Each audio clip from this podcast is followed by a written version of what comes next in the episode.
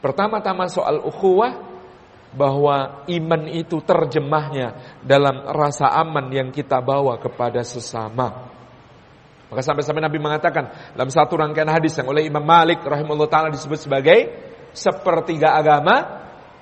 Nabi SAW bersabda, "Wa man kana yu'minu billahi wal yawmil akhir fala yu'di jarah." Siapa beriman kepada Allah dan hari akhir, jangan dia menyakiti, mengganggu tetangganya. Bahkan Rasulullah melepaskan ikatan keimanan dari siapa? Wallahi la yu'min, wallahi la yu'min, wallahi la yu'min. Demi Allah tidak beriman, tidak beriman, tidak beriman. Siapa ya Rasulullah yang tidak beriman? Seseorang yang dia kenyang sementara tetangganya lapar. Apalagi mengganggu, menyakiti. Tadi Nabi mengatakan siapa beriman kepada Allah dan hari akhir, jangan menyakiti tetangga. Apa yang termasuk menyakiti tetangga? Nabi bahkan menyebutkan sebuah contoh yang sangat jelas, termasuk menyakiti tetangga seorang yang memasak makanan, baunya sampai ke hidung mereka, rasanya tidak dicicipkan ke mulut mereka. Kalau di kota wisata agak mustahil memang mencium aroma masakan tetangga. Tapi mungkin nge-share-nya gambar di grup WhatsApp. Aku masa ini lo, masa ini lo tapi tidak dianterin gitu. Ini berbahaya, jangan-jangan gitu ya. Fala jarah, jangan, jangan menyakiti. Level atasnya setelah aman, nyaman. Orang mukmin itu orang yang nyaman bagi orang lain. Ramah. Sampai dikatakan oleh Nabi SAW, Mukmin itu makluf, mu'laf. Orang mukmin itu makluf, gampang akrab, mu'laf, gampang diakrabi. Kalau ada orang mukmin itu orangnya greget, nyambung, senyumnya terkembang, manis, wajahnya berseri-seri kepada saudaranya. Mukmin karena dia makluf, gampang akrab, Mu'laf, diakrabi juga gampang. Deket, nyambung, connect, hatinya mudah tertaut dengan sesama mukmin. Hatta kadang-kadang kita ketemu papasan, lihat, saling pandang, langsung nyambung. Eh, masya Allah. Dan orang mukmin itu Ukurannya, nyamannya itu adalah misalnya dalam sabda Nabi. Masih sambungan sabda Nabi yang tadi disebutkan Imam Malik. Wa man kana yu'minu billahi wal yawmil akhir falyakul khairan aw liyasmut.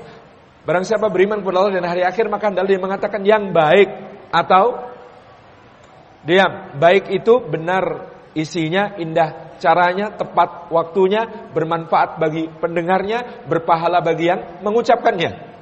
Kalau tidak bisa memenuhi kualifikasi itu, maka Awliyasmut, diam lebih utama. Karena kebenaran tidak cukup bagi seorang mukmin. Ketika dia berbicara, benar itu tidak cukup. Ketika Sayyidina Abu Dhar Al-Ghifari memanggil Bilal radhiyallahu anhu, "Woi, anak budak hitam." Benar enggak Bilal itu anak budak hitam? Benar. Apakah baik memanggil Bilal dengan kalimat semacam itu? Tidak. Saking tidak baiknya Rasulullah sampai menunjuk kepada kepala Sayyidina Abu Dhar Al-Ghifari dan berkata, engkau di dalam dirimu masih terdapat jahiliyah. Dan sahabat mulia ini Abu Dhar Al-Ghifari, asdaqulah jatan, orang yang lisannya paling lurus, lempang, tidak pernah bengkok, ngomong apa adanya sesuai isi hati. Abu Dhar langsung meletakkan kepalanya di tanah, menaburi wajahnya dengan pasir dan kemudian berkata kepada Bilal, "Wahai Bilal ke sini, injak kepalaku wahai Bilal. Aku tadi ngomong apa? Astagfirullahaladzim. Panggilanku tidak layak kepadamu. Injak nih kepala Bilal nih biar tertebus dosaku ya Bilal.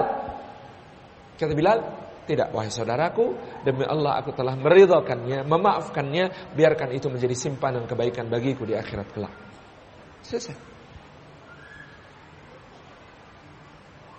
Kalau kita membicarakan, kita berdua membicarakan orang ketiga, yang kita bicarakan benar, valid, sahih, sudah diverifikasi, aktual, tajam, terpercaya gitu. Tentang dia, tetapi kemudian yang kita bicarakan ini seandainya yang bersangkutan hadir, maka yang bersangkutan tidak akan suka itu dibicarakan. Ini benar, baikkah? Tidak, saking tidak baiknya Allah sampai mengatakan ayuhibbu ahadukum ayyakula lahma akhihi mayitan fakarihtumu. Memangnya salah seorang di antara kalian suka dia memakan daging saudara yang sudah menjadi mayat, bangkai, membusuk, menjijikkan, amis, anyir bernanah, berbelatung, seperti itu, maka dia pasti membencinya, tidak menyukainya. Satu hari ibunda kita Aisyah radhiyallahu anha itu menyebut tentang Sayyidah Hafsah, Sayyidah maaf, Sayyidah Safiyah binti Huyai bin Akhtab Ummul Mukminin juga. Ibunda kita Aisyah hanya menyebut soal apa? Soal tinggi badan, tetapi dalam rangka merendahkan. Maka apa kata Nabi SAW kepada ibunda kita Aisyah? Wahai Aisyah, kamu baru saja me, me, mengucapkan satu perkataan yang seandainya perkataan itu jatuh ke laut, niscaya lautan akan berubah. Apa maknanya berubah? Kata Imam An-Nawawi dalam Sarah Saya Muslim, maksudnya berubah dari suci menjadi najis.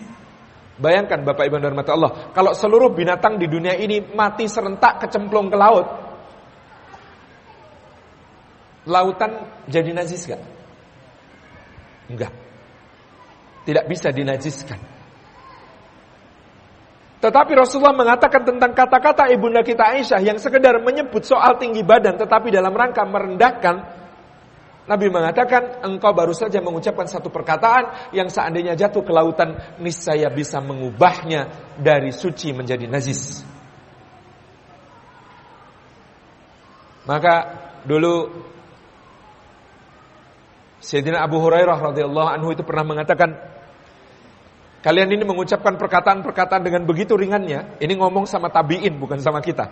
Kalian ini mengucapkan perkataan-perkataan yang be dengan begitu ringannya, padahal dulu kami di masa Rasulullah SAW menganggap itu sebagai perkataan yang membinasakan kami. Membicarakan tentang saudaranya, membicarakan tentang orang lain dengan begitu ringannya, kata Abu Hurairah, padahal dulu di masa Rasulullah kami menganggap yang seperti itu membinasakan. Subhanallah. Nyaman. Kita ini kalau ngomong nyaman dan saya perlu menyampaikan satu hadis yang sangat masyhur yang orang Indonesia sangat hafal hadis ini. Hadisnya berbunyi kulil haqqa walau kana murran. Katakan yang benar meskipun pahit. Tetapi orang Indonesia kalau mengamalkan ini luar biasa caranya. Katakan yang benar olehku meskipun pahit bagimu.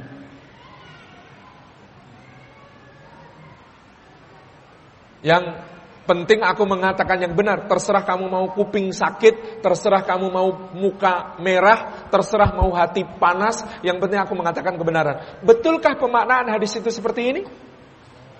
Nanti dulu. Hadis ini bahkan di beberapa kitab hadis ada di kitab Tijarah kitabul buyuk, kitab jual beli dan kitab perniagaan. Kok bisa? Iya karena memang ini hadisnya tentang perniagaan. Ceritanya bagaimana? Ada pedagang datang kepada Nabi, "Ya Rasulullah, binasa aku, celaka aku." Kenapa? Kata orang itu, "Aku membeli barang, contohnya bagus, ku bayar pesananku tunai di depan, Begitu barangnya datang tidak langsung kuperiksa, ternyata semuanya jelek, tidak sesuai contoh, yang menjualnya kepadaku sudah pergi entah ke mana. Maka apa yang harus kulakukan? Apakah aku boleh ya Rasulullah menutupi aib cacat barang ini menjualnya kembali sehingga tidaklah usah untung, minimal balik modal saja ya Rasulullah, ataukah aku harus jujur mengakui barang ini jelek kepada konsumen-konsumenku, dengan begitu aku akan rugi besar bahkan nyaris bangkrut. Faqala Nabi sallallahu alaihi wasallam, maka Nabi SAW bersabda kepadanya, "Qulil haqqa walau kana murran." Katakan yang benar meskipun pahit. Kalau iktibarnya dari hadis ini, pertama-tama pahitnya buat yang ngomong apa yang denger? Yang ngomong. Ini Rasulullah bersabda kepada pedagang ini, katakan yang benar olehmu meskipun pahit bagimu. Karena kalau kamu mengatakan yang benar, maka kamu akan rugi, tetapi rugimu sebentar. Kelak ke depan kau dikenal sebagai pedagang jujur, dengan kejujuranmu engkau akan menjadi pedagang yang dipercaya. Ini pedagang baik, dia barang jelek aja bilang jelek. Kalau dia barang, bilang barang bagus berarti barang bagus. Maka hadis ini jangan diperkosa dengan menjadikan kalimatnya katakan yang benar olehku meskipun pahit bagimu. Ini satu khitab. Katakan yang benar olehku meskipun pahit bagiku. Seperti pedagang ini. Nabi SAW tidak pernah memberi contoh menyengaja menyakiti hati orang dengan alasan kebenaran. Ada contohnya? Ada. Suatu hari Nabi bersabda akan ada di antara umatku 70 ribu orang masuk surga tanpa hisab. Maka berdiri sahabat namanya Ukasha bin Muslim radhiyallahu anhu. Kata Ukasha, "Ya Rasulullah, masukkan aku termasuk di dalam golongan mereka." Kata Nabi sallallahu alaihi wasallam, "Kunta minhum ya Ukasha, engkau termasuk dari mereka wahai Ukasha." Lalu berdiri seorang sahabat lain. "Ya Rasulullah, masukkan juga aku termasuk di kalangan mereka." Faqala Nabi sallallahu alaihi wasallam, "Qad sabaqaka Ukasha." Apa kalimat Nabi kepada orang kedua ini? Mohon maaf ya, engkau sudah didahului oleh Uka Ukasha.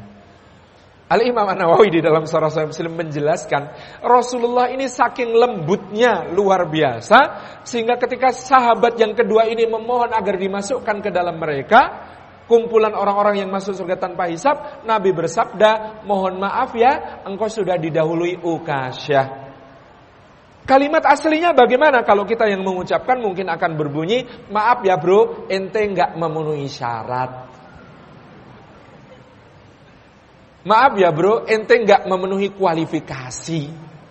Tetapi Nabi SAW menggunakan kalimat yang begitu indah, qad sabaqaka Ukasyah. Mohon maaf ya, Ukasha sudah mendahulimu. Loh kuotanya 70 ribu. Bahkan menurut Imam Nawawi 70 ribu itu kata orang Arab untuk menyebut banyak banget. Kayak orang Jawa bilang swidak rolas. Swidak rolas itu berapa? 60 kali 10 pangkat 12. Oh, banyak banget pokoknya. Katanya anak kecil menyebut angka berapa? Juta-juta gitu. Nah, itu banyak. Jadi kata 70 ribu itu menurut Imam Nawawi bukan 70 ribu exactly 70 ribu tetapi banyak sekali. Karena orang Arab dulu itu angkanya itu pakai kalimat Pak. Jadi membayangkan angka 70 ribu itu sudah banyak banget. Sehingga kemudian jangankan kuotanya gitu ya. Sebenarnya kan itu kalau mau dimasukkan masih banyak kuota bro, silakan bro gitu. Tetapi karena memang tidak memenuhi syarat Nabi SAW bersabda, Qad sabaqaka Ukasya. Ukasya sudah mendahului.